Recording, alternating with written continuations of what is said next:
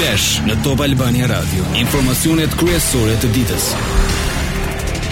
Përshëndetje, këto janë lajmet e orës 16. Përshëndetje. Top Media i përgjigjet shantazhit të sajuar të kryeministrit Rama në një seri sulmesh ndaj Top Channel pas kronikave me tema shqetësuese mes tyre rritja e çmimit të energjisë dhe naftës dhe emigrimi masiv Sot në rrjetet sociale Rama publikoi një shkresë që sipas tij dëshmon si funksionon shantazhi mediatik. Me një Twitter para nisjes në Berlin sot kryeministri Rama akuzoi emisionin Inside Story me titull Grabitja e fondeve publike për shantazh në kërkim të fondeve e publikoi vetëm një faqe të një dokumenti të dalë nga konteksti. Top Media sqaron se ky dokument është pjesë e projekteve që Fondacioni Dritan Hoxha aplikon prej 15 vitesh në institucionet shqiptare e ndërkombëtare me qëllim promovimin, advokimin e vlerave të vendit dhe virtyteve të shoqërisë sonë. Asnjë nga fondet e aplikuara në institucione nuk përdoret për financim nga Top Channel, por shpenzohen vetëm për realizimin e programit dhe promovimin e vlerave. Gjithashtu Top Media ka qenë e hapur për të promovuar çdo thirrje të institucioneve që i shërben interesit publik, si ajo e Ministrisë së Energjisë, ku nëpërmjet spoteve të sponsorizuara apelonte për kursimin e energjisë. Këto spote publicitare nuk e kanë ndalur Top Median të pasqyrojë shqetësimin masiv të publikut për rritjen e çmimit të energjisë.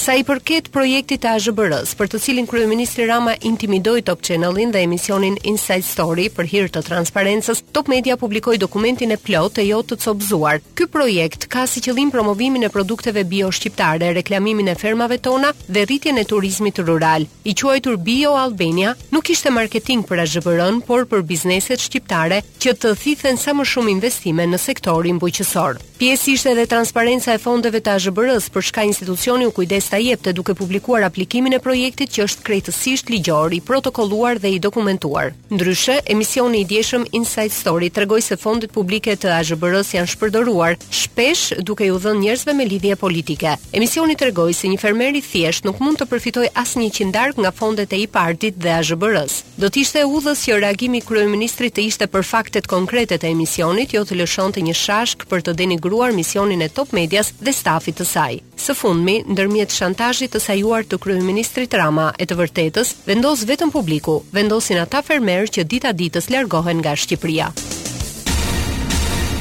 Për të dytën herë në 24 orë mblidhet Bordi i Transparencës ul çmimin e naftës dhe rrit të benzinës. 1 litër naftë do të tregtohet me 232 lekë nga 236 që ishte dje. Ndërkohë, nga ora 18 benzina do të shitet me 212 lekë për litër nga 208 që ishte vendimi i djeshëm. Rimbledhja pason tre javë harresë të bordit për t'u mbledhur, ndërsa në tregjet globale nafta ishte ulur. Sapo përfundoi afati që pedagogët të cilët protestojnë i lanë qeverisë për plotësimin e kërkesave, përfshirë rritjen e pagave, më pas do të nisi një grevë simbolike ngujimi. 10 pedagogë pritet të hyjnë në grevë nëse nuk marrin përgjigje pozitive, çka duket mision i pamundur. Përveç se e përsëriti se nuk do të ketë rritje pagash përtej shtatë përqindshit të njoftuar muajin e kaluar, kryeministri Rama u shpreh se grevë urie për rritje rrogash bëjnë vetëm njerëz pa fe dhe pa atdhe.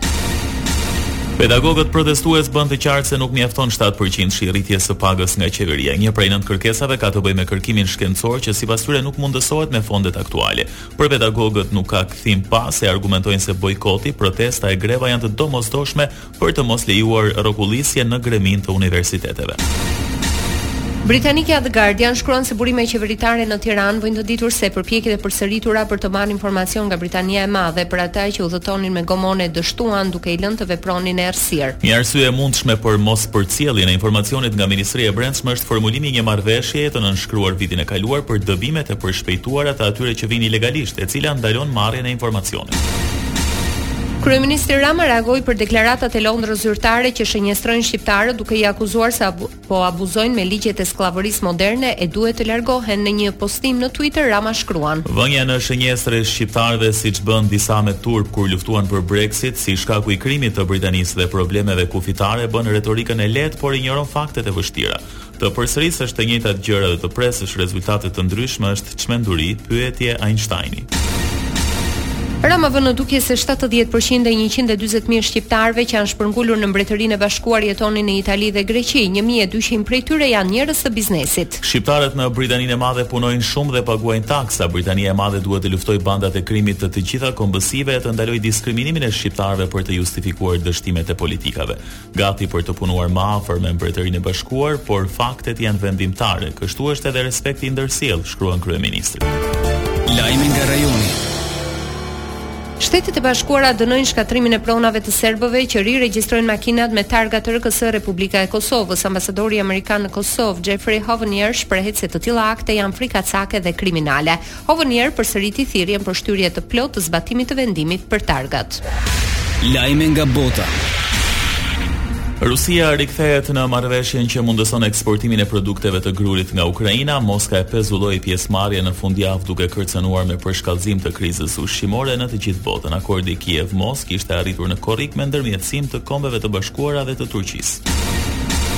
Ministria ruse e Mbrojtjes pranoi garanci me shkrim nga Kievi se korridori në Detin e Zi për kalimin e sasive të grurit nuk do të përdoret për operacione ushtarake kundër Moskës. Edhe presidenti Erdogan bëri të ditur se ministri rus i Mbrojtjes, Sergei Shoigu, i tha homologut turk se marrëveshja e njëzet e dy korrikut po zbatohet nga sot. Vatër shpërthimi e Covid, Kina izoloi një zonë me Qind mijë banorë në qytetin Zhengzhou, ku gjendet fabrika më e madhe në botë për prodhimin e telefonave iPhone të kompanisë amerikane Apple, u dha urdhër që të gjithë njerëzit, përveç punëtorëve të domosdoshëm e vullnetarëve të angazhuar në përpjekjet për parandalimin e Covid-it, nuk duhet të largohen nga shtëpitë e tyre. Parashikimi i motit. Edhe sot kthjellimet do të jenë mbizotëruese në të gjithë territorin. Ndërkohë, krahas motit të qëndrueshëm, temperaturat variojnë nga katër në njëzet e pesë gradë Celsius. Ndoqët një përmbledhje kryesore të lajmeve të ditës. Takimi informativ i radhës në Top Albania Radio është në orën 17. Unë jam Edi Hallaçi. Unë jam Doriana Lato. Kjo është Top Albania Radio.